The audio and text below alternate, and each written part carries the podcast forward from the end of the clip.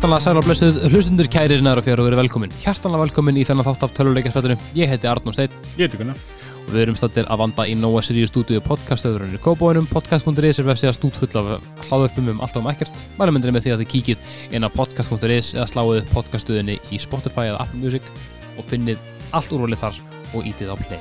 Heldur Þess áttur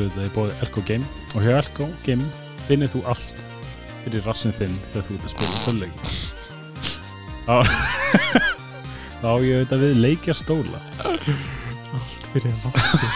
Þetta var grillu lína, enn í fílana. En þú veist, það er ógeðlega mikið af þarna töluleikja bara stólum. Sem er það bara með svona sérstökum bara bak- og hálsstuðningi til þess. Og þetta er mjög gott úrval sem þeir eru með. Þannig tjekkið á því. Þið vantar líka náttúrulega að setja, setja hennar rass upp við eitthvað. Stóð til þar að vera upp borð og það er til nóg þeim í- hérna í alkohol líka. En ég ætla að minnast aðeins á skjána. Já, Það er nefnilega ógeðslega mikið úrval á skjám. já, þeir eru nokkur Það er sama og er bara eiginlega með allt saman í alkohol. Þú getur bæði keftir bara ágætis skjá á 20 skall sem er að fara að gera allt sem það þarf að gera. En ef þið vantar þetta, þessa millisekundu af viðbárastíma til þess að sigra óvinnina að þá getur þið keftir alls konar skjái bogna ekki bogna, 38 tommur stærri, minni, whatever. Úrvalega það mikið að ég veit ekki eins og hvað ég á að segja. Þannig að kíkiði í Elko og skoðu úrvalið finnið að ykkur vantar Ég hlakkar út til þegar ég, þegar ég að drulla mér að kaupa mér PC-tölu ég líka. Að fara bara að missa mig í Elko sko. Akkin helmaður, það verður að gera sko. Kaupa mér bara curved skjá og stól og borð og... Gerið það fyrir Gunnar, fæðið Elko og skoðuðu skjáða fyrir hann og senda hann við þér Já, sendi, sendi mér, sendi mér línu uppstungur Því hann er bara ég með sko, ég með, ég með kokk ég með kokk svo litið til að byrja þátt Ok, Ok, hann ætlar að koma jól. Já, okay, og Við erum með það jólasúkulega frá, frá Nova Sirius. Já, með, hvað, gott plagg. Nákvæmlega, með appisnubræð og karamellu kulli. Og vinkvar mér var að hlusta núna sem ég veit hún hlustar ekki, hún er ekkert mikil trúleikamarska þá var hún á leiðinninga núna sko. Hún býr bara hérna hliðina. Á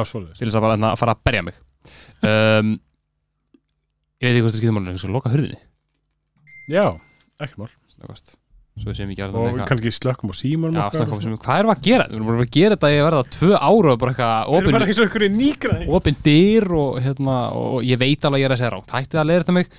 Krakkar, ég segir stundum rangar hluti viljandi að það er fyndið. Að ég veit ekki hvað ég Herra, ok, ég ætla að smaka þetta. Aldrei smaka þetta áður, appisinu kurl og, hérna, uh, og karamellu. Já. Kjóin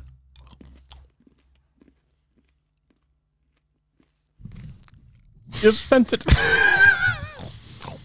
Sko, ég hef aldrei verið mikil fan af appisinu súkulæði Þú, ha? Nei. En Þetta er ekkert Not half bad.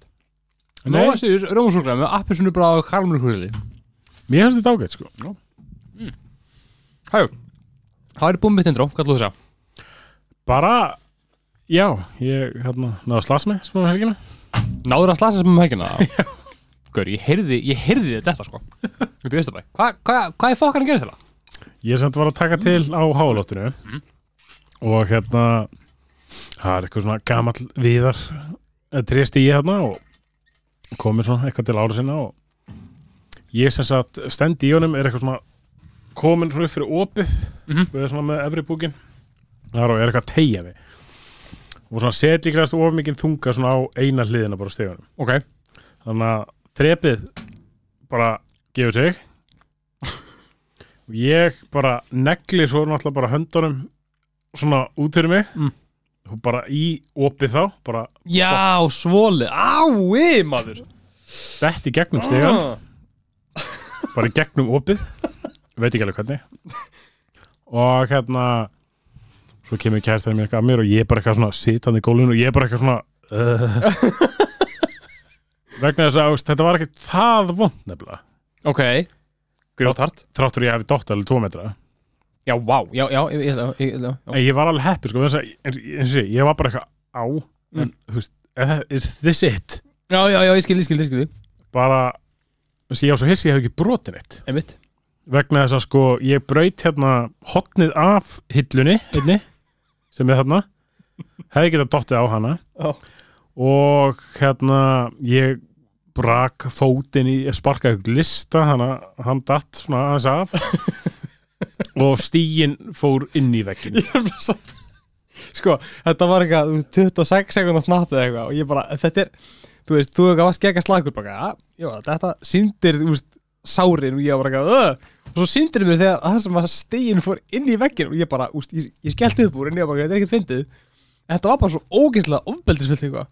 Já, að þetta, það bara fara inn ég var líka líka góða fimm minnir að losa hann sko, þess að hann var bara svona skorðaður sko, við listan og inn í veggin Þetta fokkaði mér upp, sko. Já, ég bara, eins og segi, ég var mjög hissa að ég hef ekki slasað mig meira. Nú hef ég sko, nú hef ég komið heim til þín. Já. Alveg oftar en einu sinni tvisar mm. og þú veist ég, ég, ég, það, það er einn staður sem að er ekkert það hátt til lofts. En er þetta alveg tvekja metra fallið það? Ég, það er fyrir utan. Það er sem Er ekkert fyrir einan íbúðuna sem er svona látt til lofts? Nei, það er tölvöld hærra sko. Ah, ok Þannig að ég bara Fokkin húrraði niður? Já, ég líka, ég skrapaði alveg hendurnar sko. Þú veist, ég fekk eiginlega svona meira bruna á hendurnar sko. Já, ég skil, ég skil. Þess að ég er bara með sveið bara í, í upphandleikinni sko. God damn. Smá stífur í bakinu. Já, ég held að, ég held að það sé fylgifiskur að þetta tvo metra brjóta stiga og vegg og eitthvað. Heldur betur. Þannig að þetta voru æ- ævintýri mín Já, ég þarf, ég þarf, ég þarf á þér að halda maður hérna í janúar og februar Já. Flytt inn og, og hérna, rífa henni veggi og Já, ég hefði nú haldið að þetta þessi saga mín væri ekki svona góð meðmæli sko, um að fá já, sko, í bramlið, sko. Það verður alveg mikið braml. Já, ok. Veist, ég er að fara að rífa niður Ég er að fara að rífa niður tvo veggi. Já, ok, ég mæti bara að hleypa á það og... Já, ándjóks Sko, að ég er búin að tala með, Ég er búin að er verið góðið sambandi við hérna, eiganda húsins Svo sem er að, hérna, svo sem býr hérna núna Ég er að kaupa af. Og hún segir mér, sko, að hann er veggur Og hann er bara fastur hérna, hérna, hérna. Og hann, ég er bara, ég er bara, hann er, úst, hann er ekki fastur niður stannan þar Og hún bara eitthvað, nei Ég er eitthvað cool Af því að síðasta veggur sem ég þurfti að taka niður Hann var fastur alls það, sko. Hann var bara svona, bara vírvirki ah, já, byggt. Ég ætlaði að þetta verði ekki ekki fyndin skilur og hlaupi gegnum hann þú veist, Já. En ég þurfti að rífa nýr helmingin á hann og berja ekki oft með sleggju til þess að ég geta hlaupi gegnum hann sko. Já, já, myndbæði sem ég get alveg sínt já hendi á mig. En uh, niðrið braml og dett og hérna, slis og súkulæði mm. það er ekki umræðefni uh, vikunar Heldur betur ekki. Nei, hvað í anskotum ætlaði að tala um í dag? Er við ætlum að fjalla um tvoleiki? við ætlum að taka tóleiki, við ætlum að taka- við eldgamla eldgamla eldgamla dagskrarliðin okkar þeim heitir Versus. Versus, En- ég elska, ég elska við vorum ekki búin að ákveða að kalla það versus en Nei, ég ætla, ég ætla að segja versus líka. Við að búin að taka einn eða tvo svona áður. Já maður, þar sem við erum bara svolítið að kynna leiki fyrir hvort öðrum sem við, Leiki. já, sem við vitum að hinn hefur ekki spilað. Já. Það er einhver leitið, sko. Og það er smá svona, það er svona herrkensku þema í dag. Það er mikið hergjum sem þetta, já. Og hérna, það er skemmtilega að vera með svona þema já, það er svoleiðis. Þannig að síðan, sko, hvað, síðast tókum við Outer Worlds Og það er langt síðan, sko. Það er mjög langt síðan. Við erum búin að, já, við erum búin að gera heilan Þáttum Outer Worlds síðan. Það var, annað, Outer Worlds og No Man's Sky. Outer Worlds sem við skæði Svo var hérna Lilla súklaða maður Svo var hérna Enga móti einhverju. Það var Black and White og Hotline Miami. Já, já, já, já, já, já. galinn samblanda. Já, mér- Ég held að þessum ekki búin að tala um það síðan. Nei. Eh, Endilega hérna að því ég er ekki eins og náttúrulega símun sko, hann, þó hann sé opinn fyrir frá mig, bókstala ég þarf ekki eins og að gera mjög þetta er rétt hefur sko þetta Það er, hefum ekki heldur gert en endilega hérna, senda mér skilabóð og segja mér að ég hefi ráttur mér en já, við ætlum að tala um, við ætlum að taka fyrir hérna tvo herrkjænskuleiki Já. sem eru hérna uh, ólíkir að miklu leiti en alveg með, með svona söpu þeimu já, og það er bara spurning, hérna, hver á að byrja, vilt þú byrja það? ég skal alveg byrja. Ok, hvað er til að taka fyrir? herru, ég ætla að ræða sem XCOM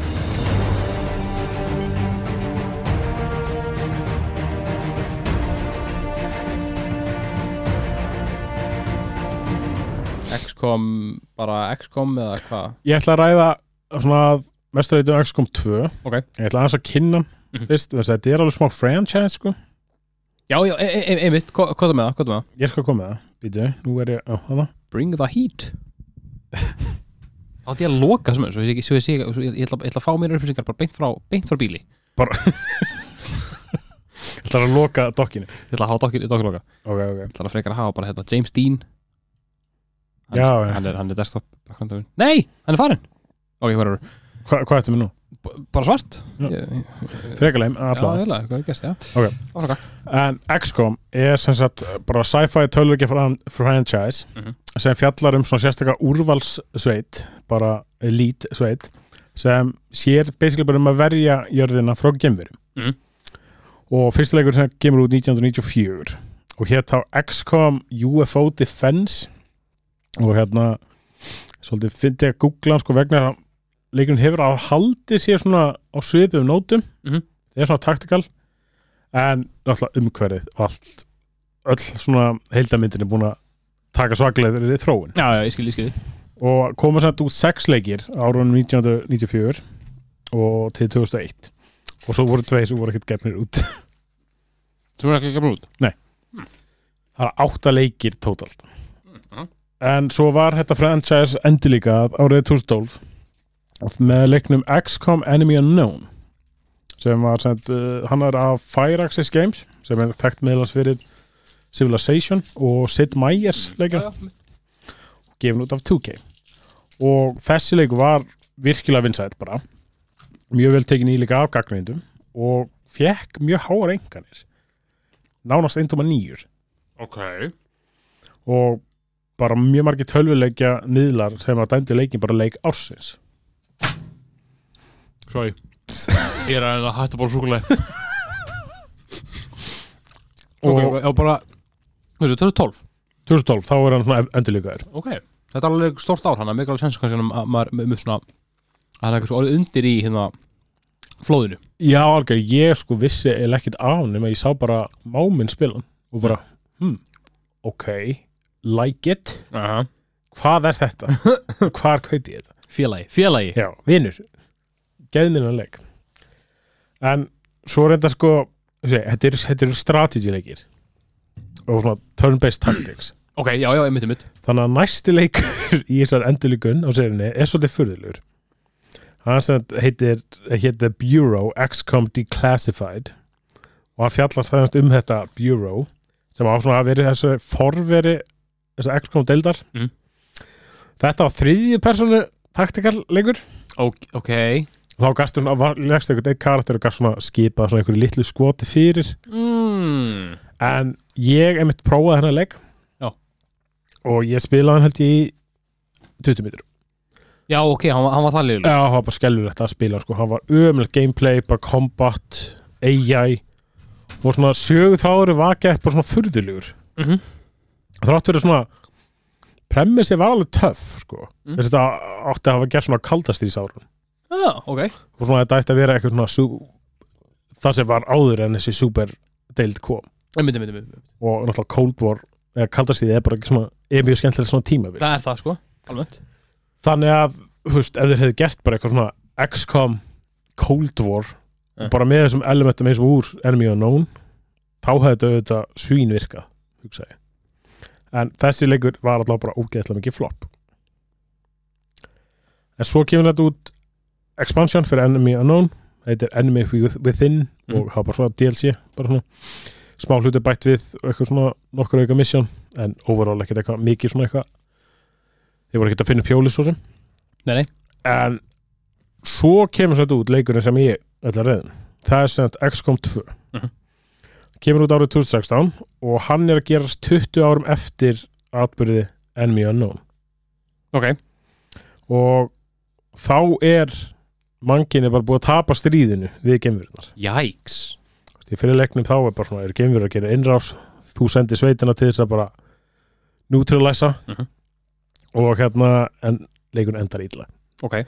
Þannig að núna er, er bara geimverðurna búin að gera ára svo okkur, búin að sigra og það eru bara er, þetta er bara eitthvað allræðis ríki þeirra. Mhm. og það eru bara geimverðurna með puttana bara í öll.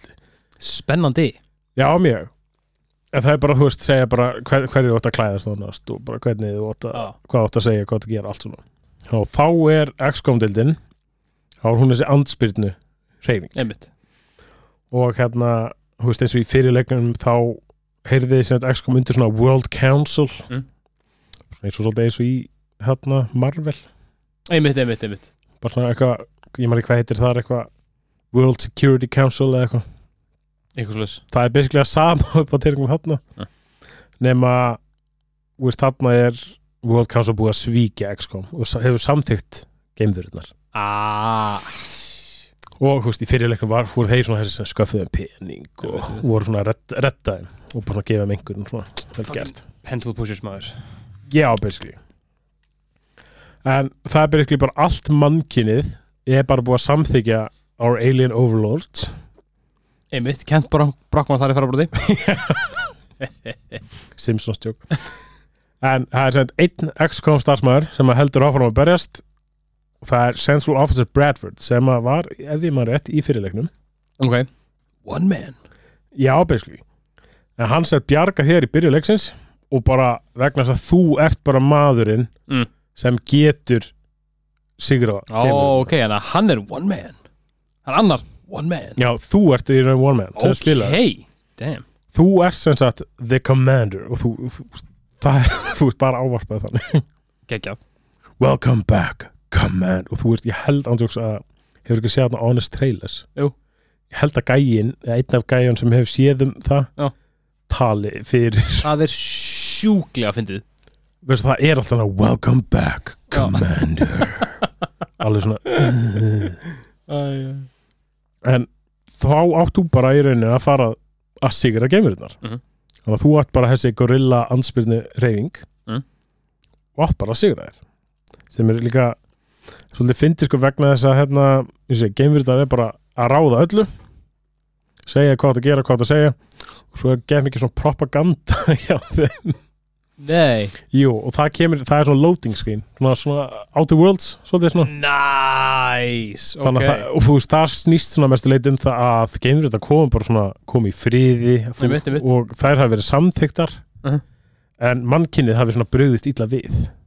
Ok. Þetta að kynna Já, basically, sko.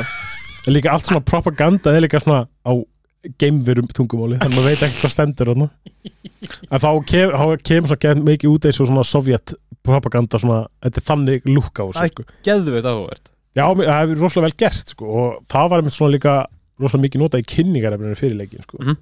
allt bara svona sovjet propaganda basically ok, ok, en spilunum sjálf uh, skiptum við bara svona í turn-based tactics Mhm.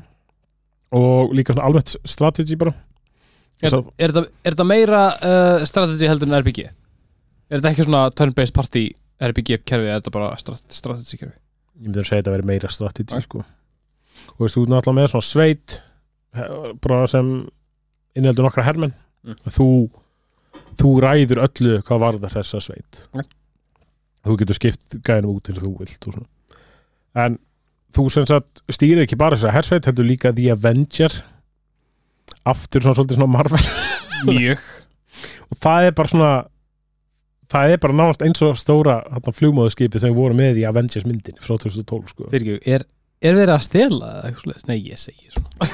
Ég held að svona þetta sé svona artistic license. Já, já, já, já, já. Þetta er náttúrulega mjög algengt sko, eða svona, þetta er mjög segir þetta er mjög auðvelt plot device mjög svo. Að hafa svona þannig að þetta, við skulum ekki vera að álasa þeim fyrir að nei, nei, nei, nei. Avengers voru alls ekki fyrsti til þess að vera með risut út flugum og skip og einhverja gæri búningum sko. Nei líka þú veist, þessi leikur eins og ég, hann kemur úr 2016 og veist, Avengers myndi kemur úr 2012 þeir eru líka búin að vera að vinna að þessu í einhvern tíma, Já. tíma fyrir 2012 myndi ég halda. Ég er allan Team X kom í þessu tilfelli sko. Já, já, en mér svo fyndi að skipið heita bara The Avenger og maður svona og svo er eitthvað World Security Council og eitthvað mm. leiði þið að slæta allar en þú bara spila sem, sagt, sem bara The Commander. Mm. og þú er bara í raun að stýra hersveit í gegnum öll mission. Þú er fullkomna stjórn á hvaða hermið þú notar hvaða eiginleika þið nota og bara hvað eru staðsettir. Þess að staðsetningin svo ógeðislega miklu atrið í þessu leik. Bara hvar þú, hvort þú setur hermann í svona uh, half, half cover Já. eða full cover. Þess að ákvæmst getur að fengið bónus eða mínus. Hvort það sé uppakkari stöðu með ofininn þá getur að fengið bónus Ég hef séð það. Hef, Já. já, em, em, em, Þú veist þannig eins og ert með sniper þá viltu að hans í staðsettu helst bara uppi þess að hann fæði þá bónus fyrir svona elevated position. Og þú veist, svo getur það verið staðsettu við hliðin á bíl. En þá virkilega auðvelt fyrir geimurinn að upp bílinn þá Já, skilji tekur hann meira damage. Einmitt. Og þú veist, þegar þú byrjar eins og öll mission eða þá er hersveitin svona falin og verður það áfram nema þú veist, þú gerir árás eða færið þig yfir á reit þar sem óvinni taka eftir þess að þetta er bara svona hvert einasta mission er bara eitt stórt tablbord þannig séð. Það er bara svona reit já, já, já, já, já, einmitt, einmitt. Þess og veist, allir hermenn hafa bara ákveð mörg moves þang til umferðin þeirra er búið. Þá er komið að geimverjum að gera þegar allir hermennin eru búinir þá moves geta kald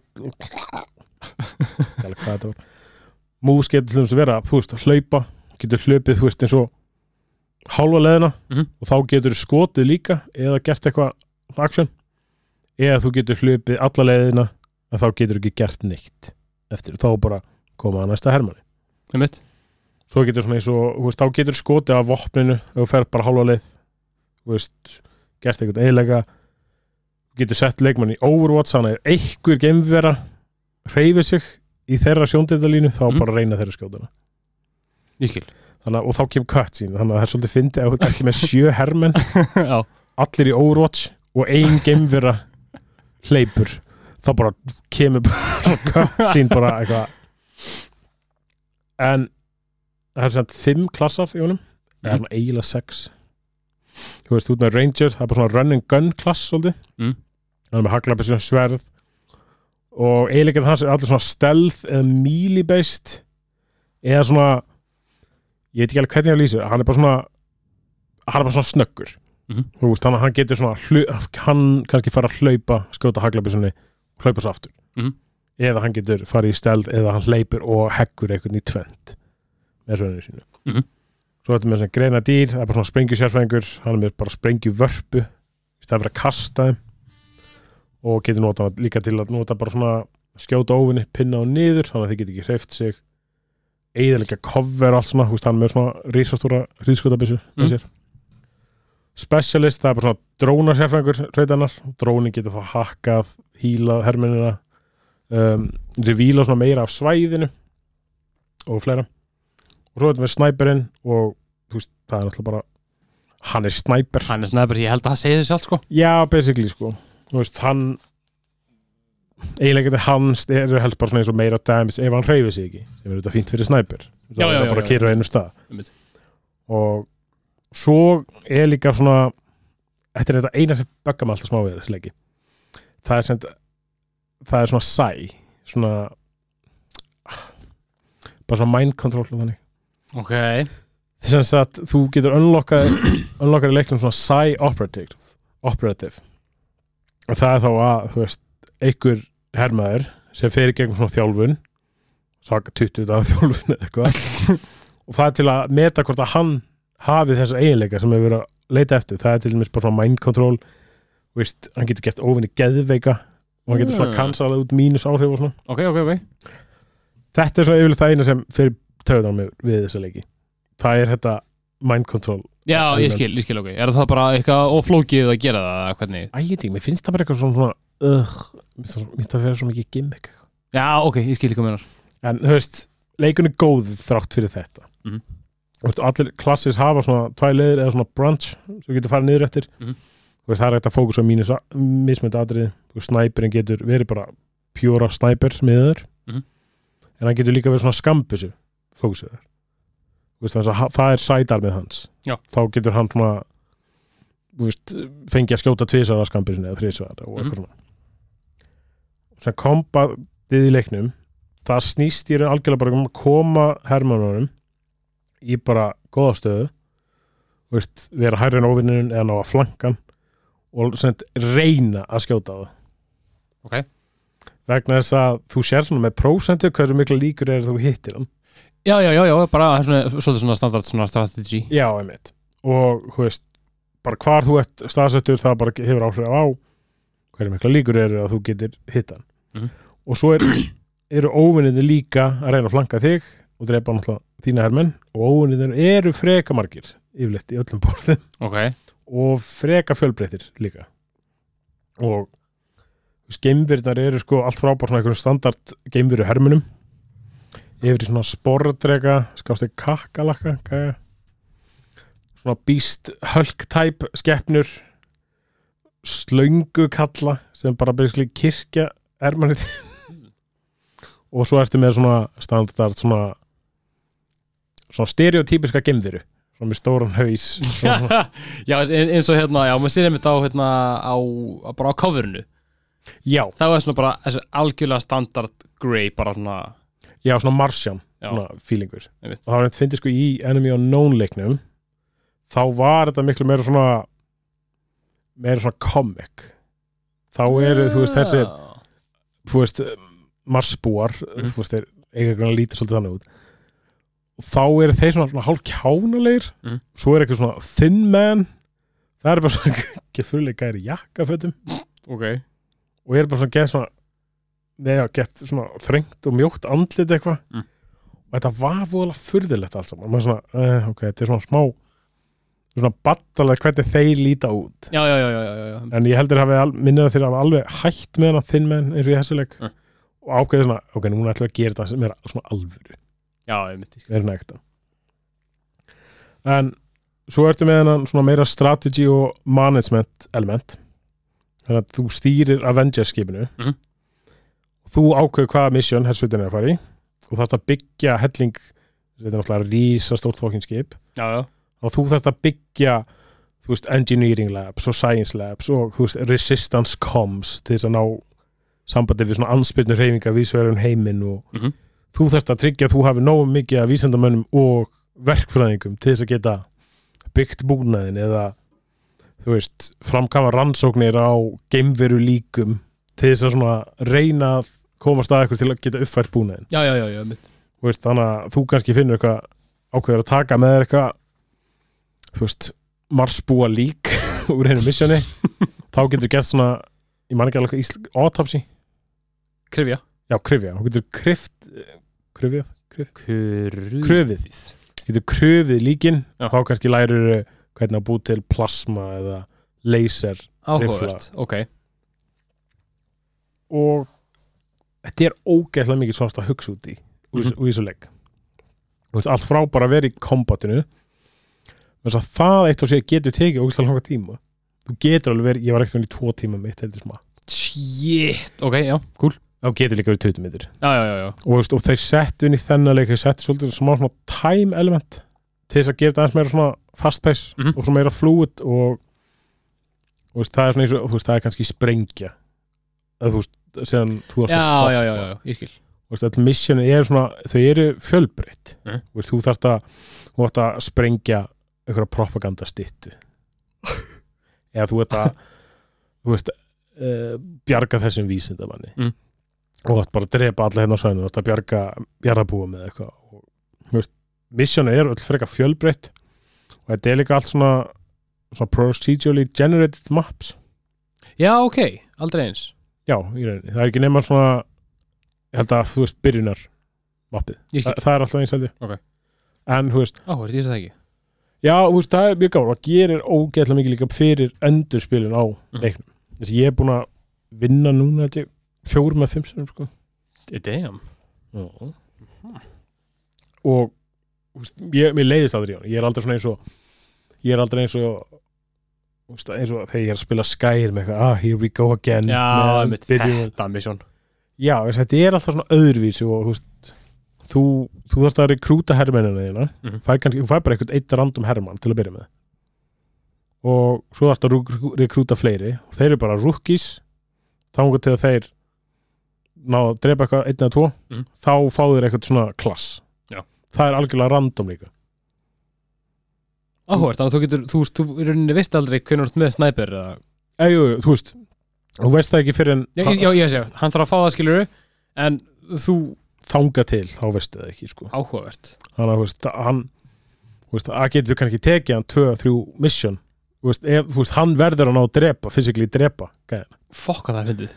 Þa, þangað til er hann bara eitthvað svona svolítið svona óskrifa blað. Og er svona smá gagsleis Já, ég myndi, ég svona, já, sounds like it sko. Maður þarf alveg svolítið svona eins og koma þá sem rukki í svona sérstaka stöðu. Já, einmitt. Til þess að verja hann svakalega þess að hann er ekki kannski komið það, hann er ekki komin en eiginleika þannig að hann getur ekki gert neitt. Einmitt sko. En ég sé, það er mikið sem þetta að hugsa um og svona til að gera illt verra Mm. þá eru geimverðurnar að byggja eitthvað sem heitir The Avatar Project. Ok. Ef það klárast á tapari Bara, bara leiknum? Og þá er sagt þegar þú fara að vita því fyrir bara counter í gang. Það er svona tíu strik sem að, sem að þurfa að fyllast upp í.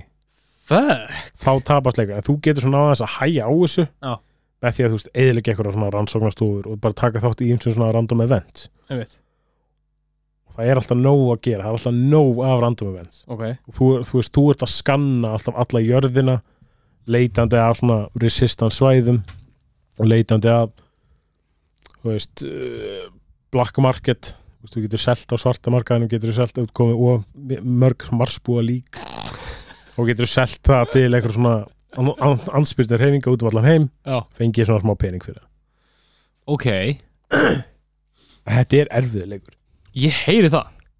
Og það er alveg erfitt að spila hann í gegn til þess eins og það er eitt trófi líka minni mig. Mhm. þeir eru líka ógislega erfiðir. Það er eitt trófi minni mig að spila hann í gegn á þess að ég missa einn, einn einasta hermann. Ég ætla að gíska það ég er auðvitað. Já, sérstaklega þá verður til þess að skipa tutorialinu. Þess að þú missir sjálf hverja tvo þar. Það er fucking fyndið, ok. En það er svona líka það er auðvitað helsta grífið mitt vinna leik Mm. trófi þetta eru ógislega erfiðir Ok. Þú veist, það eru þrýr difficulty trophies og að vinna leikinni hæsta difficulty ásend Iron Man mót þá held ég að þú getur ekki samt lóta. Getur Getur ekki Ok. Og ég, sko, þessi leikur á sig alltaf svona smá staði í hjarta mínu. Já. Mér finnst það svo óbæðslega vel hannaður. Sérstaklega með tilliti þess að ég hef bara spilað hann á konsól, sko Einmitt, ég einmitt allan þetta svona hérna uh, kanna það hjá það næst því að ég sé einmitt, þú veist að þetta er já, náttúrulega strategileikir er á ágætla PC vænir Já, eða svona aðalega PC-fænir Einmitt. myndir sem ég segja, sko Hefur þú prófað hann á PC eða? ég, þú veist ég fannst það rosalega svipa sko. hann hefur alveg, þessi leikir hafa verið vel hannar á konsól sko, Ja. sem þið byrjuð aftur Einmitt og ég er bara svona þetta er svona einn af mínu svona top 10 leikjum. Ok, ok. Og hérna, nú vill ég bara eiginlega helst, eins og ég hef nú sagt svo sem við þig áður ég vill eiginlega helst að þú spila þennan leik. Ég er nefnilega er eins og, eins og bara as we speak. Þú ert bara að kaupa. Ég er að köpa hann. En það kostar hann 6 dólar sko. Ég er hérna Já, ok. k- Can't 90% fokkin hérna afslutu sko. Það, Þú segir ekkert nei við því sko. Já, já, þetta En spurði ekki næstan sko. Já, Wow Wow? Ég get keift allt böndlið Mm. 224 dólara á 19 dólara næs Hérna, hvað er þessi böndlið? Er þetta eitthvað gott setið það? herri, já, ég hérna, það er eitt ógæðislega erfitt DLC mission til dæmis sem er bara algjört horror manni ég Ok Ég sem, ég var svolítið riðgar í leiknum því ég spilaði það manni. Já. Ég byrjaði bara því. En það var mjög gaman sko og veist, þessi leikur er challenge. Þú, náttúrulega- þú, þú, þú veist alveg- hvernig þú tala við það ekki? Já. Já. Ég veit, ég er reyndar, ég hugsaði það svolítið sko. Ok Hvort að þú erði bara svona argandi yfir þessu leik sko. Er easy mode á hann með það? Nei. Fuck Ah, jú. Ok Eða hvort það sé normal. Það er, sko, eru 45 minnur eftir að þessu tilbúðu og ég er bara eitthvað hvort það, hvort það er að taka allt eða ekki ok, það munar engum munar hvað hva, hva eru 12 dólar marga krónur? 600 kallar eitthvað? Já, fuck it, ég teka það bara. Já, ég segi það bara. Ég veit ekki, raskat hvað það kostar mikið, sko. Ég kann ekki starfæði, sko. 15 kall, 16 kall. 15 kall, Sleppið ykkur hátarsmönda morgun Það er good to go. Er það kaupar á Steam? uh, Já, Ok, ég ætla að setja þetta í kart. Ég held nefnilega að ég hafi tíma, sko. Því ég er náttúrulega ekki að fara Ég, ég er náttúrulega er, Hérna Ég man okkur að ætla að spyrja ykkur meira. Já. En Já, ég, ég, er bara úst, já Þetta er, þetta er erfiðleikur Þetta er erfiðleikur. Þetta er áskorun. Já, en ég, ég finnst hann mjög skemmtileg vegna þess að það er þú veist, þú getur nefnilega spila hann þú veist, það er svo mikið til að hugsa um. Mhm. þú getur spila hann alveg sett upp hersveitin alveg eftir þínu einmitt. Og er alveg mikið frjáls svona frjálslegheit hvað það var þar Já. þú veist þannig að þú getur verið með ef þú vilt spila með, þú veist, þrjá snæpir eða eitthvað þannig séð, Já. þá getur þú gert það. Ok. þú veist, það er ekkert eitthvað limit að vera bara, með verið með eitt snæpir og eitt svona og eitt svona. Nei, nei, nei, nei, ég skilði, ég skilði, ok. Og þú líka ræður, þú veist á hverju þú gerir þú veist, á, hvað, hvaða lík þú krefur og þú stjórnar öllu í rauninni. Og Ok, ég hugsa að þú minnir fílaðanleik mér vantar nýja pissileik Þannig að hérna, ég ætla bara að segja að hann sé bara Hann er bara, byrjuð ekki hvað það heyrist? Hann er seldur. Var þetta, var þetta svona seal of approval? Uh, Já, já, ok. Ég veit ekki uh, Dómarahamar, Silvurprúval, eitthvað, já, já. Ég ætla hana, ég ætla að kafa hann þetta var svona selt stimpil. Þetta var svona, já, já, þetta var stimpill, stimpill, hann hvað Þarna hvað, ok, þetta var good shit. Þetta var hérna, takk fyrir, takk fyrir góða kynningu. Búin að ég, er búinn held ég það var mjög, mjög góð kynning Mjög fræðandi og ég er eiginlega bara svona Ég skammast mínulega fyrir það hvað ég er búin að undirbúa mig lítið fyrir minnleik. Um, Nei, djók, ég myndi aldrei winga neitt í þessu þessum þetta Það er krakkar, þannig að, það krakkar. Nei, nei, nei, ég er alls ekki að fa- fara winga þetta sko En hérna, en hérna Á ég að hoppa í minn, minn seins? Hendu í þinn. Herru, ég er núna, sko, ok, ég er náttúrulega er alveg búin að tala einhvað um hann, en ég er alltaf aðalega búin að tala um, sko, mína reynsla á leiknum, þar að segja, ég að spila leikin í bara heilan, bara fullorðins vinnudag. já, En- þú hefur minnst á hann í hefur auðvitað minnst á hann í öðrum hvernig þætti Ég sirka bót, sko. Ég, en sko, það er svona að skammalegt er að hvað ég veit lítið þannig síðan leik ég meina, ef þú hefur aldrei haft tök á því að spila Age of Empires 2, sem ég er að að tala um,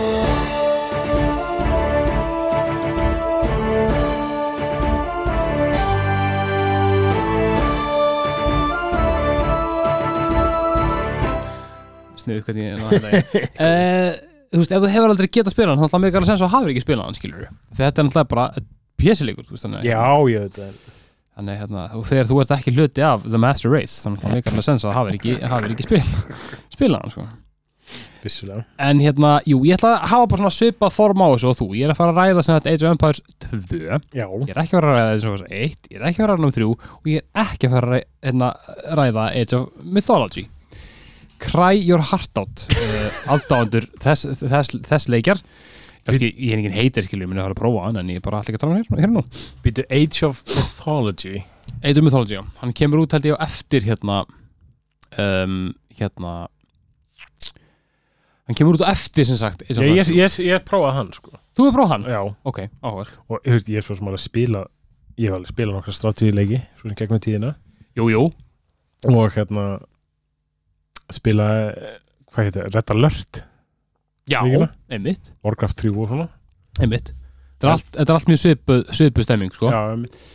Um, en sem sagt, um, Age of Empires er bara einmitt seria af real-time Já. uh, strategy-leikjum sem voru hérna þróaðir af uh, Ensemble Studios ok, um, sá fyrsti hétt náttúrulega bara Age of Empires og hann kom út ára 97 sá leikur var sem sagt um, fókusaði á um, sko hann, hann var basically hvað var að segja, svona frá úst, svona, svona steinöld upp að járnöld en svona til þess að setja því aðeins meira hérna samhengi, þú veist, það var að tala um svona árdagar, árdagar Rómaveldis, Gríkland og svona svoleiðis. Já, einmitt. Um, serían fórun ekki að flug fyrr en tveimur árum síðar þegar að hérna Age of Empires 2 kom út. Já. og ég ætla alveg að vera handvis, jú, 99 já, það Þá- er ennþá, það er vera uppfæra það, jú, jú, jú, jú, jú, jú. Það er svona, jú, það er að þau eru um, en það er samt svona, það er svona smá tvist á því sem Ok. að kemur hérna, sem að svona setur þetta í smá, smá samingi ok, en hérna en basically, uh, sáleikur kom út í 99 og þá erum við að tala um sem sagt miðaldir, þannig að þú veist í rauninni er þetta svona í bara ágæti, ágætir tímaröð. Já, þannig að hérna, Age of Empires 1 það er bara, þú veist, byrjun veldana, bara já, einmitt. heimsveldana á þeim tíma. Já, leikur heit, heitir þetta Age of Empires. Ah, snið Ná, nákvæmlega sko. Uh, sem sagt, nummer tvö Já. sem ég, sem ég er að tala um, ég ætla bara hérna svona breeze yfir hans nákast Mm. hann gerir sem sagt, svona, hann byrjar held ég svona í kringum svona 600 eða eitthvað já, og tala bara svona byrjun byrjun breytaveldis uh, svona, uh, það er að segja basically við fallrómar. Já, veit. Rómfellur náttúrulega 400 ég ætla ekki að klára þetta því en ekki að hafa átturber 400 og eitthvað. Og endar basically svona í cirka, cirka í kringum 15-1600 teganlegt af því að bæði sögulegra atbyrjar átt sér stað á Já. mörgum stöðum á þessum tíma og eitthvað sluðis Þetta, þetta tegis alveg yfir langan tíma þetta er að langu tími sko. Það svona en, en, en það er svona mjög gaman að sjá hvað þetta næri einhvern veginn að svona kristallast, kristallast saman. Það fer svona yfir nokkar svona aldir stór veldan. Age of Empire Ég skal hætta. Æjæjæj Sko, svo kom út Age of Empires 3 Já. þá bara gefur að skilja að sáleikur gerist í kringum 13-1400 til, maður ekki hvernig endar 800 og svona þá er, þá er leikvöldurinn Bandaríkin og, og hérna Evrópa í, í svona þessum stríðum. Já, þegar að Evrópa er uppgötta Bandaríkin og Bandaríkin og svo kemur sér að hérna Age of Empires hérna, Age of Mythology og hérna það var það sem það var, ég hef bara, já, ég eins og ég prófa hann, ég man ekki svona hvernig hann er. Það ekki svona grísk guða þegar. Jú, það var svona góða fræði, held, að- held mér að það hafi verið rómæsk líka á þess að, Jú, ég held að. svo ég sé ekki að tala með rækkatunum mér minnir að það sé alls konar svona, alls konar. Já, það var eitthvað grískt rómverst og svona norrænt minni mig, held ég líka. Já, eitthvað svo leiðis notuðu sama kerfi og, og hérna, sama svona, s- sama dót. Já. svo kom bara nýr Age of Empires leikur, nú fjögur Mm. út bara um daginn. Um, því miður hef ekki getað prófað hann Já. en hérna, Þú, þú hefur aðra leiki til að spila ég hef nefnilega aðra leik til að spila sko. og ég hugsa sko svona, hann er er ekkit líka priority að því, að, að þú getur ekki spilað hann sko Nei, eða veitu, ég heldur að hann sé á Playstation, whatever um, sjáum til Sjáum til. Ég skal skoða það kemur ljós Strategy leikir, þeir eru trikki á konsól þeir eru hann sko. sérstaklega, þú veist, þegar þessi leikur snýst um point and click, sko. Einmitt og bestu gæðin er að spila hann sko, á þess að segja á músina þannig að það er þú? Veist, Æ, fuck off. Er þetta svona eins og þarna úti í kóru með Starcraft? jeps, það sem að þeir eru er- þeir eru, þeir eru að skrifa reitgerð á meðan eru bara einhverju gæja bara eitthvað pylons, pylons, pylons. Hita upp puttana. En ok, fyrir mig verið leikin Já. leikurinn kemur út 99 Já. og hann heitir sem sagt Age of Empires The Age of Kings. Og ef að þið eruð ekki um, byrjuð að fróðufella spennu akkur núna, þá skil ég ykkur ekki. En hérna, þessi leikur kemur út eins og þessi 99 hvað er maður að segja 99 oft? Ég verða að fara undirbúið Fimm sinnum held ég. Húi, sko. Þessi leikur gerist eins og eins og segi frá kringum svona f- 400 Já. til svona cirka 13-1400 Ok. Við erum að tala um að það eru sem sagt hérna, þú bara, þú hoppar inn í leik Já. og þú velur þér uh, veldi. Já. og í fyrsta leiknum, fyrsta útgáfinni þá voru sem sagt, ég ætla bara að telja upp það er bara, þú veist afhverja ekki, Já. Það eru sem sagt Britons Já. eða Bretar, það eru Byzantines eða hérna austur hérna Ró- Rómveldi það eru Keltar í Skotlandi. Já. það eru Kimverjar það eru Frankar. Já. það eru Gotar. Hvað eru tökja í Frankaldi Mm. það eru Japanar, það eru Mongolar, Persar Saracen sem eru basically bara í rauninni bara svona fancy orð fyrir Araba Já. sem er ekki racist. Svo er þetta. Ok. Svo er svo eru Teutons sem eru í Þísklandi Ok. Uh, uh, Tyrkir og Víkingar. Damn, þetta er alveg slatti. Þetta er slatti sko. Og það er sem sagt hérna, það er campaign fyrir öll þessi hérna, ef, ég mann rétt, ég held að sé campaign fyrir öll. Ok. Ef það er ekki þá kom campaign í sem sagt setni hérna, DLCs Ok. Segjum bara að þú ætlar bara að búa til leik. Þú velur sem sagt bara leik og þú velur gerðleiks, þú velur bara deathmatch.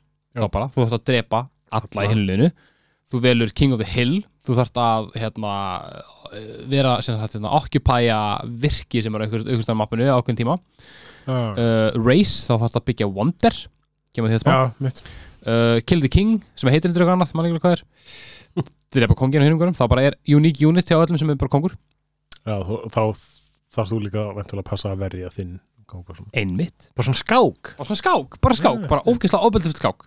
Með, hérna, með slöngu hérna verpum slöngu verpum, sorry. Og þetta er bara bara ofbóðslega bara einfaldast að leiðin til að útskýra er að þú bara ert þá bara með kort og þú byrja bara á að sjá korti sem er í kringum þitt um, þína bæjarmiðstöð þegar Town Center. Já.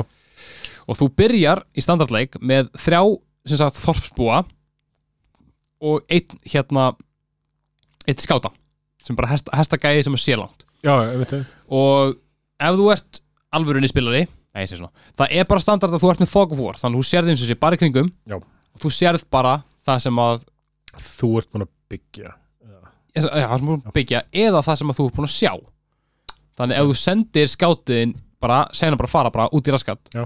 þá fer hann, það er svona slóða eftir honum sem að þá bara þú ert alltaf búin að sjá En kemur þá ekki svona eins og ég man alltaf í hérna, Star Wars Já. Galactic Battlegrounds Mhm.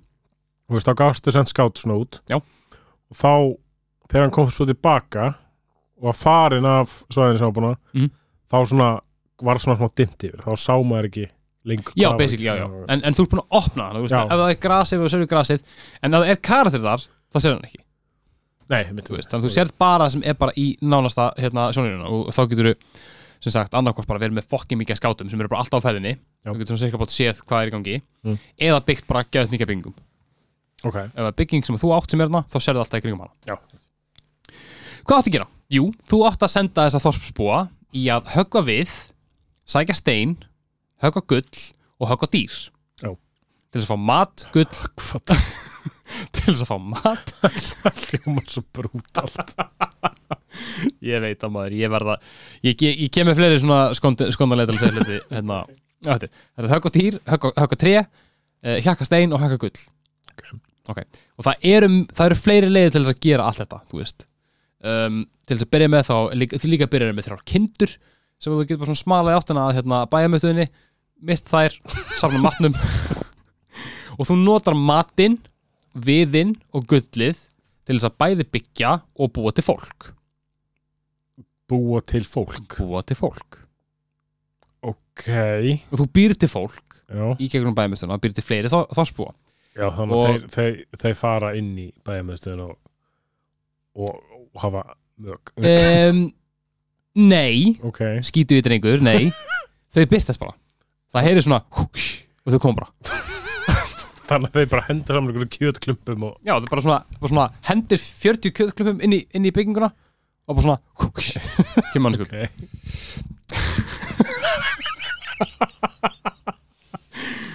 og hérna um, ok Vá, ég er búin að glemma hvað ég var að segja. Hérna, já, já, já. Þú þarft sem sagt að byggja upp samfélag. Já. þú þarf bara að búið til fólk og þú þarf að láta, láta fólkið hérna, bara vera með ver verkefni. Mm. eins og hérna uh, góðu vinnu þáttarinn Stanni kendi mér að hvað var það? Villagers are byrju villagers are the oil that fuel the gears of war. Þú veist, ef að það er ef að það eru ekki 30 þorpsbúar eða bara ef það er ekki þorpsbúar alltaf að búast til þá er það að tapa, það er svoleiðis. Skilur Nei, ég er að segja þetta alveg bandvillist, það er fuel the gears of industry eða eitthvað, það er svona, þú veist, bara, var mjög stórar um þetta. Þú veist, þú vilt hafa bara towncenterið þitt er bara að punga út fólki alltaf. Ok, af því að því meira fólk því hraðar er stað, er stað hérna, stækka efnahægið já, já, því snemma getur þú búmað. Nú er ég að fara að koma með svona, svona terminology sko. ok. Svona, svona, svona hugtakafræði þú vilt alltaf búma með snemma. En það er erfitt. Og þú getur sagt, og það, er bara hvenær er jafnvægið á milli þess að þú ert að búa til hermenn og byggja og fá inn uh, hráefni? Hvenær er það í það miklu samleiti að þú ert að fá meira en þú þá nota skilur Já. hvenær ertu komið með surplus? Nei, okay, það, það er ekki til. Hérna, ok uh, þannig að þú veist, þú vilt þetta búma. Já. en það er eins og segi, stundum bara gerist það ekki. Stundum ertu bara, þú veist, komið með bara 10.000 við og bara ert bara með 100 mat, að þú ert búin að eigða miklu mat í að búa til eitthvað Já. og þú ert ekki með nóg marga þorpsbúa búið mat. Ok, þá kemur sem sagt inn á það að allar þessar, allar þessar þjóðir eru með svona einstakka hæfileika. Já, já, við mitt þær eru svolítið mismunandi, það eru rauninni tekna sér fjóra gerðir. Það er sem sagt hérna um, það eru sjávarþjóðir, þar má nefna vikinga, Já. bara, þú veist, þeir eru góðir að búti bóta. Það má nefna hestaþjóðir bara þjóðir sem eru bara góðar að vera á hestum. Það eru til dæmis mongólar. Það eru hérna svona fótliða þjóðir, bara þjóðir. Svo inf infantry. Já, infantry, Já. eins og hérna gotar. Já. Og svo eru sumar sem eru svona blanda af báðum Já. Eru með svona ímesta kvoru og svo eru sögum sem eru bara geðið góðar í bara í, í hérna í, í viðskiptum, í hérna rekta, rekta shit, þú veist. Já, er það þá eins og að fá bara svona þú veist, trade bonus eða eitthvað svona fá bónus á því að, þú veist, bara fá meiri pening en aðrar Já, út frá því að gera, út frá að treyta, fá meiri um, rekta hraðar. Fá hagstæðri kjör hagstæðri kjör, einmitt sko. Kunna, kunna að sko kreista peningin út úr hérna, út úr Góði samningamenn. Góði samningamenn, damn right.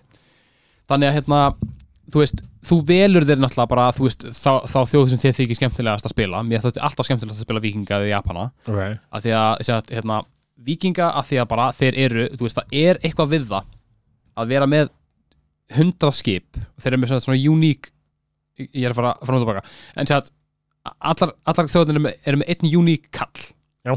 kalló. En sömur eru með fleiri, sömur eru með tvo uník kalla sömur eru með einn uník kall og eitt uník skip eða annars konar faratæki vikingar eru með bara lang, langskip bara, já, bara knörr. Og það er bara brutal fucking skip. Ok. Þú veist, þannig að ef þú ert með hundra svoleiðis þá ertu bara búin að vinna.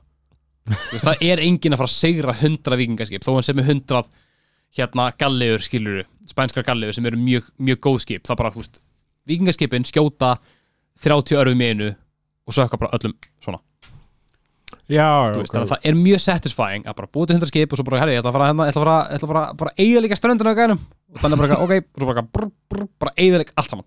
En hvernig það, gast ekki lendi í svona eins og möppum sem við kannski vorum ekki með neitt sjó eða eitthvað? Jú, þá er alltaf svolítið gagslist að vera vikingar Já. En vikingar eru samt, þeir eru með bónus á, hérna, á, á landbúnað. Ok, uh, og allir bónusarnir eru mjög svona, svona sögulega svona viðjandi. Já, já, ok. Vikingar eru, eru með hérna, bónus á um, hérna á, á, á, á, ég held að sé bæð á treyt og hérna landbúnaði.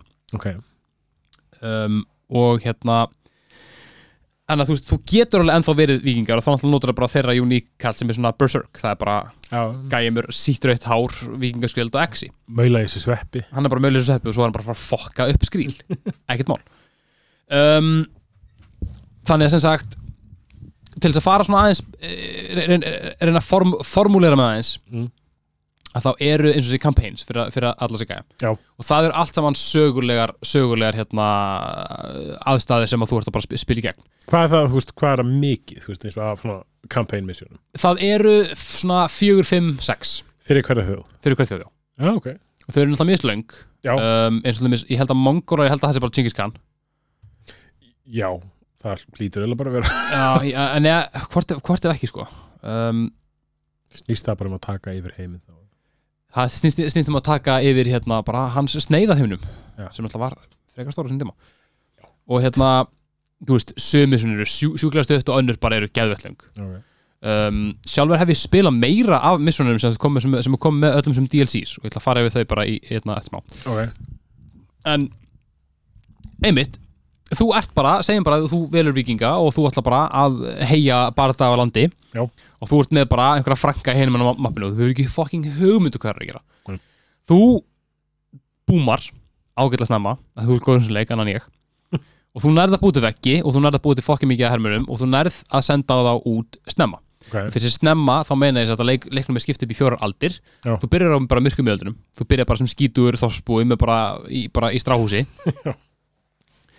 þau eru búin að vinna þeir inn á ágætlega mikið að gulli og ágætlega mikið mat og þá getur þau fjárfest í, í hérna, uh, feudal age sem ég er ég alveg viss hvernig á þýða. Uh, þetta er basically svona uh, svona ah, ég veit alveg hvað var þetta er. En svona forverið þess að hlutinir voru hlutinir voru umlöður á að það varst þú bara handbendi einhvers lávarðar og lávarðar bara handbendi einhvers rittar og ritturinn handbendi einhvers annars lávarðar og allir, allir þessi gæði voru umlöði skilur við. Og svo var vesti gæðin sem var kongurinn Já. og hann bara eitthvað, hei, gæðin sem var með guð ég maður gera hvað sem vill. Svo sem sagt eftir því sem ferð ofar Já. að þá um, verður meiri bóði fyrir þig að sem sagt að rannsaka. Og í saman með XCOM það er rosalega mikið svona pæli. Allt saman hefur áhrif á þorpsbúnaðina uh, flest alltaf hefur áhrif á hermennina Já. en hérna þetta er satt, það sem heitir bara technology Já. og já, það er hérna, það er til dæmis bara í bara svona, svona smiðju, blacksmith Já. það er náttúrulega væntalega bara úst, brinja og vopn fyrir, hérna, fyrir kallanina Já, uppfæra það bara það kemur strax hann er strax bara á hérna fjútuleits getur þú farið að uppgreita vopniðina því annars er þetta bara með gæmi kilvu skilur Já. Hann er ekki svaklega góður. Um leið og það kemur rittari á hann þá er hann bara eitthvað uh, rittarar, þannig þá, þeir koma flestir á fjútuleits þar að segja, og getur búið til hérna hérna hestús Ok. búið til fleiri, búið til fleiri skáta svo getur búið til svona, hérna, svona aðeins svona mj- mjúka útgáfu af, af ritturum Ok.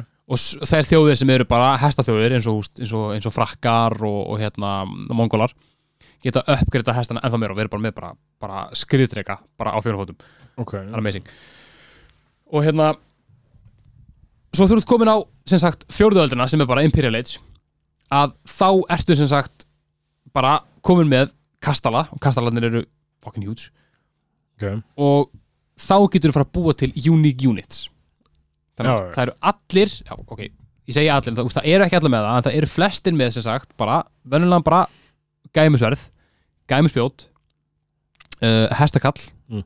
Svona aðeins míg, mígri hestakall Hvernig er mýgri hestakall? hann er ekki eins brinnverður hann er hraðari Ok. Það var asna. það er endur astni en ég kem við þessum á Ok. hann er sko ri- riddarinn bara knight Já. hann er mjög brinnvarinn skilur og hann er bara góður þú sendir tíu svoleiðis inn til þess að drepa fullt af, fullt af spjótköllum. Já. þú veist, af því að náttúrulega, þetta er bara svona þetta er bara eins og skjálbarsteinn, þú veist. Eh, hérna, spjótgæður eru góður á móti þessu hestakallar eru góður á móti þessu en þeir, eru góður á móti þessu. Já. og svo bara rótast þetta, en sömur eru með aukabónus á móti öðrum um, Þú ert búin að fjárfesta þetta öllum gæðum, þú ert komin á hérna Imperial Age, ég er búin að- að að breyta þetta minu ég ætla bara að spila leik eins og ég, ég er að törla. Ok. Þú veist, þannig að ég er búin að eyða þreymur klukktumum í að bara, bara varlega búa mér til hérna hagkerfi Já. búin að búa til svona 300 hermenn Já. og þeir eru bara býða skilur svo bara, svo bara íti ég bara á takkan á, hérna, á hliðinu, open gate og svo bara og þeir bara er í svona tíu minnur að labba af því þeir eru svo margir Ok. og svo bara svona fara bara svona bíflugur yfir hérna, yfir, og ég bara svona bíð og á meðan er bara fólk að bara plæja agur og högga við og eitthvað, ég er búin að taka hann í heilan skó Ok. og það er að vinna það er svona hefbundin líkur Ok, ok. Ég hérna, sko ég fíla að sé svona mikið eins og af reysum sem getur valið um. það er nefnilega, og svo, svo, svo verða bara fyrir sko af því að í, þú veist, í DLCs Já, ok. að fyrsta DLC sem kom út var hérna The Conquerors Já. það kemur út held ég bara, hvað, 2000 eitthvað, jafnvel hérna þú veist, það kemur ekki ekki mikið setna eftir, eftir leiknum sko uh, þar bætast við hérna alls konar Ok. skemmtilegar hérna það er bara, sko, það er mjög- sem, sem er mjög skemmtilegt, þar bætast við Aztekar og Mæjar Já, þeir eru ok. náttúrulega í, náttúrulega í, Am Amríku Já, mitt. og hérna hvað er hvað er ólíkt til dæmis með Azteka Mæja og svo segjum bara frakka Um, ég finnst eins og þetta fiska eftir eitthvað ákveðnu svari sem ég veit ekki. já, það voru engir hestar í Ameríku Mm. þannig að þeir eru ekki með hesta Ah. sem er geðveitt áhugavert að prófa að spila Azteka leik Já, og bara, þú getur ekki byggt hesthús ok. að þau kunnu það ekki Eru þeir þá eitthvað með svona eitthvað mótsvar? Uh, já, þeir eru satt, hérna, ef mannrétt þá sett eru þið með smá bónus en ég Já. geti verið að bylla en þú veist, það er alveg þannig að ef þú ert astekja á móti hestaþjóð Já. að þá tapar ekki bara svona Ok. þú þarft náttúrulega, að vera þú veist, búin að græja þig, skilur Já, um, um, en þeir eru með alltaf þessi vopn, þeir eru með alltaf þessi bara kalla, Já. skátin þeir allir mis því að allir með eitt skát Já. hann er bara gæja bara, bara á tannum, skilur þú bara eitthvað hleypa til. hann bara hleypur geðvikt trátt, skilur en hérna, aðrir sem bæði þetta eru húnar kórubúar og, og spánverjar Ok, ok. og hérna allir, ég, ég var að þetta að pæla akkur spánverjar er ekki já, í sko, inn í þessu vexi. þeir nefnilega sko ég ve- veit ekki alveg af hverju en þú veist, hérna ég held að þegar leikur, þú veist, þegar ég byrjuði með þetta þá var þetta svolítið svona, bara svona að hafa þessu svona algjörlega base þjóðir. Já, já. og þetta átti náttúrulega að vera svolítið svona reglívar hugtaka, því náttúrulega Teutons eru basically þjóðverjar. Já. Gotar eru teknilega séð líka þjóðverjar en líka frakkar en eru líka sló, slóvinar þú veist, þannig þegar þú svona, ah, fuck it, þetta, þetta passar þetta einhvers staðar. Já, en svo bara gerðanlega höfðu þeir bara sögurum til þess að búið til meira Já. Spánverjar eru mjög einstakir þeir eru náttúrulega með byssupúður og þeir eru, hérna, þeir eru heilaugaðir þannig að Ok. þeir eru svona monk civilization og Já. þar er að þess að annar sem það kall sem að eru með sem Já. bara er monk eða príst um, það er gæinn sem kemur á, kast, á kastalaldinni eldum þrjú Já. þú byggir um, það sem heitir monastery Já. Monastery náttúrulega í európskum þjóðum er náttúrulega bara kirkja dói. En eins og lemmis í hérna, Japan þá er það svona, svona Shinto svona, svona bænahús Já, já, já, veist, þannig að þetta er svona, veist, þetta er bara fyr- fyrirbært en sá gæi, munk, munkurinn Mm. hans markmið er annarkvort að heila þína kalla Já. eða heila þó aðra til að koma, koma yfir í þillið Ah. þannig að munkurinn er sjúklega hægur þú veist, en ef þú hefur fjóra munka fyrir að fara með veggiðin og einhver kemur alltaf að ráðast á hliðið, skilur þá bara, ok, nú ert þú bara hlut, okkur sem er sjúklega fyndið, Þú af okkur núna. Bara one of us. Og hann bara ekki kemur bara eitthvað, "Ah", skilur alltaf að drepa. Og þeir eru svona segja svona wololo en þú, vendar, þú breytið því sko, wololo er ekki það er satt svona frægasta mýmur svona leik Já, eru wololo. En það er ekki standard, þú þurft að breyta því í wololo. Þeir eru bara wololo, wololo og hann breytir bara svona lit og bara svona stoppar. Og þú bara stjóðan hann ok, ok. Og svo getur þess að margar þjóði geta sagt, látið sér í, í monasteri Já. láta rannsaka tæknir sem heitir hérna uh, heresy. Já. dýrt. Já. þá bara, ef að einhver af þínu kallum með heila þín, þá bara deyr hann.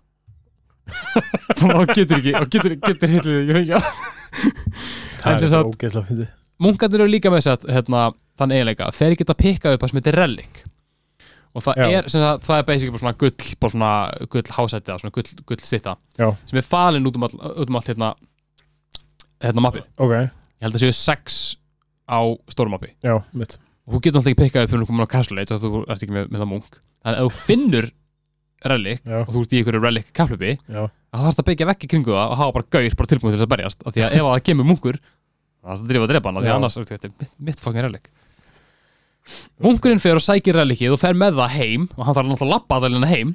Mitt þú veist þannig að þú ert að bakka hann upp og fara með það inn í monasterið og um leiðan fer hann með það inn í monasterið þá byrja það að bara svona byrja bara peningur að tekinn Já, ok, og því fleiri relic sem ert með því meiri peningfæri ok, um, Spámirar Já. eru með unique munk.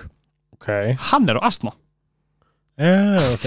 Hann getur ekki pick up relic en hann er, hann er mikið fljótari Já. og hann getur sem sagt þá svona úst, heila þau á ferð. er svona drive-by drive-by heila þú væri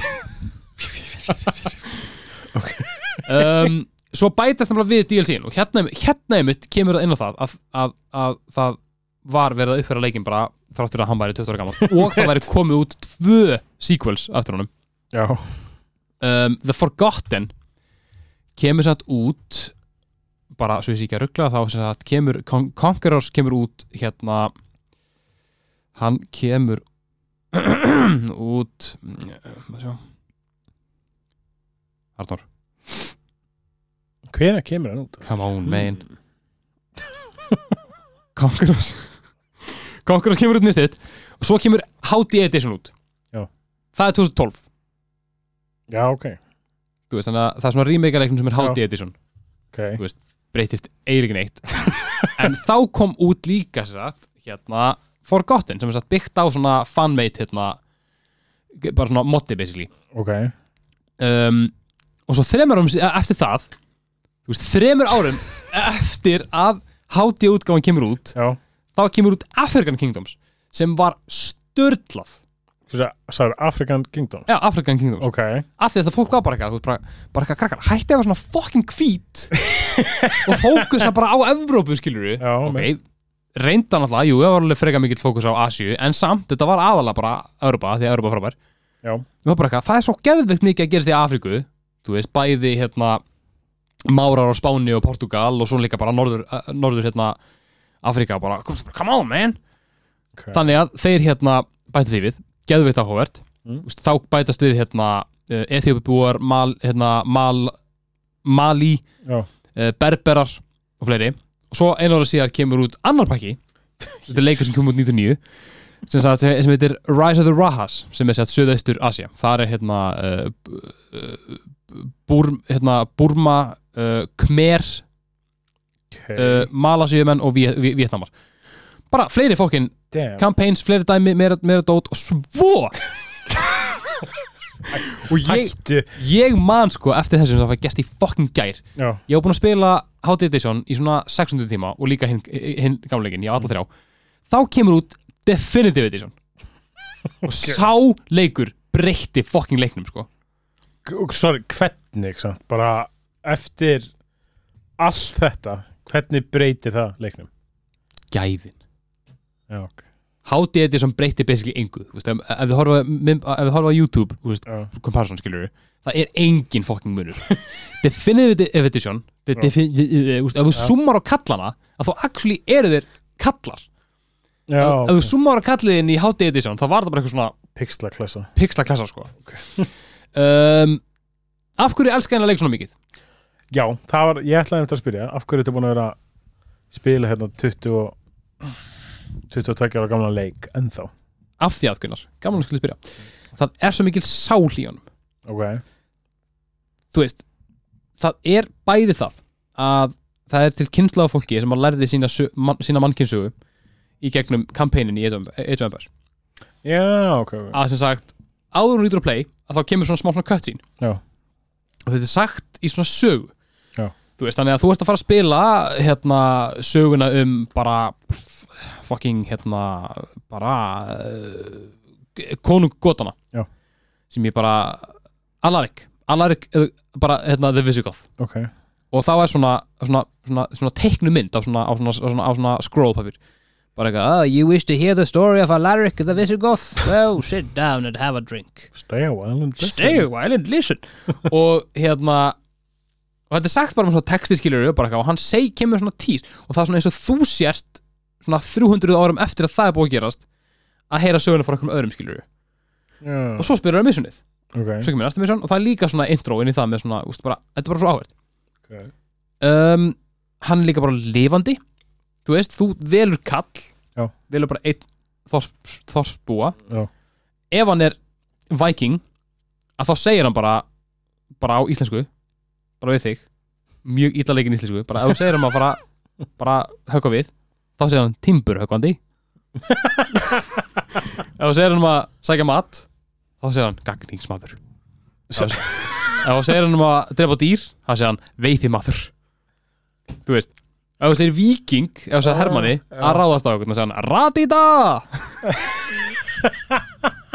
þetta er sko þú veist, og svo ertu með hérna, svo ertu með til að mis Já, þú veist, þetta er náttúrulega- fornbraskan þetta er ekki alveg rétt, nei, nei, þannig að þau segja svona gatherer og svo, þú veist allir þessi karakterir er með svona, svona ein orðunga. Veist, frakkarnir eru með, með svona algjör svona proto-franska sem þetta ekki að leika eftir.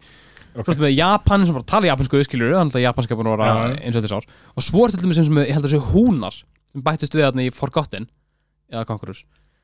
Veist, þeirra tungumar er það flókið Já. að ef þú segir þeim að hérna sækja bara, sækja mat að þá kom bara fjóra línur af dialog sem er svona ekki ekki stegt þetta aðeins upp sko. Ok, ok.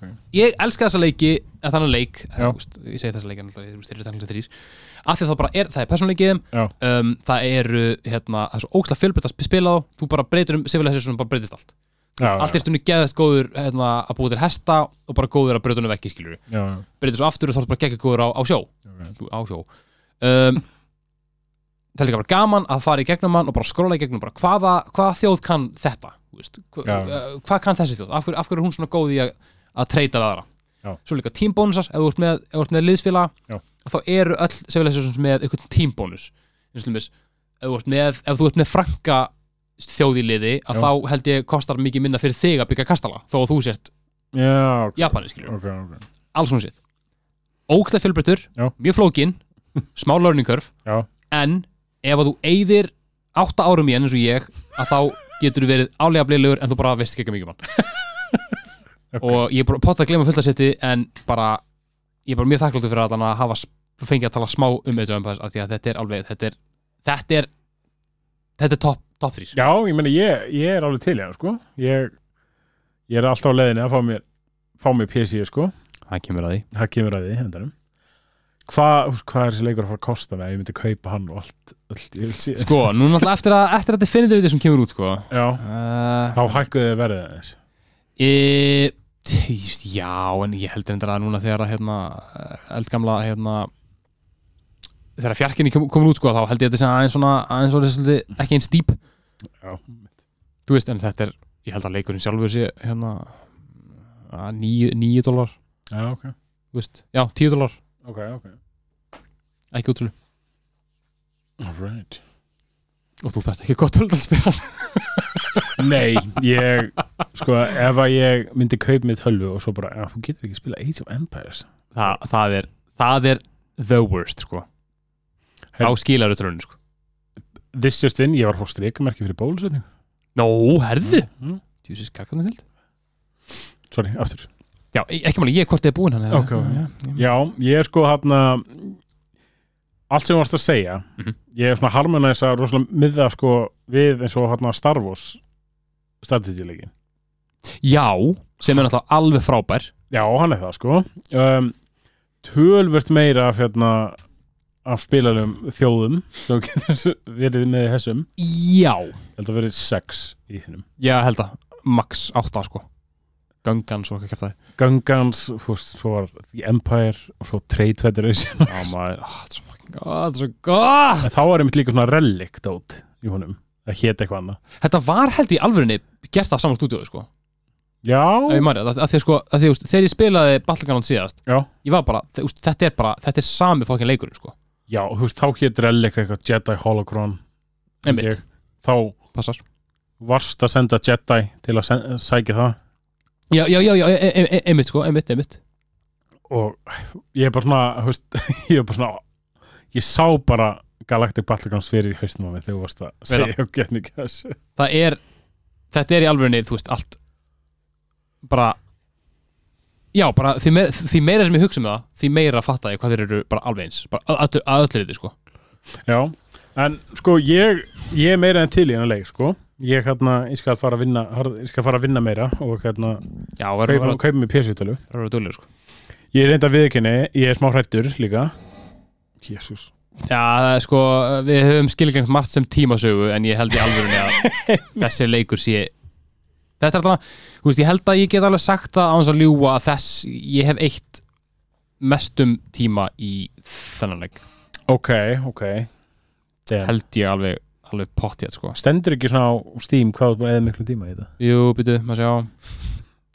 Ég með þess að, þá er ég ekki með gamla konta minn sko. Ég, er með, ég ánáttúrulega, þú veist, 900 tímar. Þú veist, hérna er hvað, hérna er 300 100 og svo er Definitive Edition. Ég held að ég sé með svona, ég veit, veit ekki ég er með ykkur 600-700 tíma í hann sko. Damn. á, bæði á gamla akkantinu mínum og svo á hérna á þessum sko. Það er rosalega já, ég meina, svo er ykkur, svo sjúkidjöflar sem eru búin að spila þú veist, uh, leiki ykkur 2000 tíma sko, en ég, Er það eins og Danni eða? ég veit það ekki. Það, sko, hérna, konan hans spila náttúrulega líka Age of Empires sko, þannig að- og það, Ah, það er bjaga sko. Já, svoleiðis. Einu sinni kíkti ég bara, "Gaur, hvað ertu búin að spila Age of Empires, ertu, ertu ekki vinnu eða? Hann bara, hvað, þetta er- er ekkert ég sko. Ok, ok. En já, ég, ég er alveg meira til í það leik já, ég, er ég, eins og þessi, ég er með bara XCOM á bara 5 dollara í hérna í, í körun minni og ég hyggst í það á uh, pay. Næs uh, því miður hlustundur þá er þetta sem sagt að við erum að taka þetta upp bara og ég er, ég er ekki að tóka, það eru svona tímitur eftir að hérna, þið er ekki að geta að kæsta hann svona verði. En ég mæla þetta hygglust með bæði Empires og líka með XCOM sérstaklega ef þið eru stratt nördar því Jésús ef þið eru stratt nördar þá er þetta bara já, þannig að hérna kíkja endur á það. Gerir það. Ekki. Yes. Ef þið eru hérna, já bara ef það er einhvað sem að þið viljið heyra ykkur tala meirum mm. um XCOM með Age of Empires þá bara sendið á okkur og segja okkur um, ef það er eitthvað fleiri strategið sem að uh, ykkur finnst þessu við sem að hunsa bara heyra þessu upp. Ef þið viljið taka fyrir Star Wars Galactic Battlegrounds. Oh, please, please byrja okkur um að taka fyrir Star Wars Galactic Battlegrounds. Ég verða það ásökun til að spila sko. Já, ég líka. En um, við þakkum annars bara að kella fyrir hlustununa Yes. og sjáum næst. Já, takk fyrir okkur